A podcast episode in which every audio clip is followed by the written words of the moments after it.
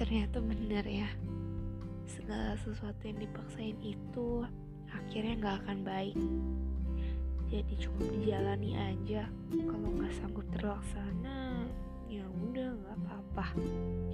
Bukan masalah besar karena justru yang menjadi masalah besar itu pas sesuatu yang tidak bisa terlaksana malah dipaksain. Seakan kita mau ngelawan takdir.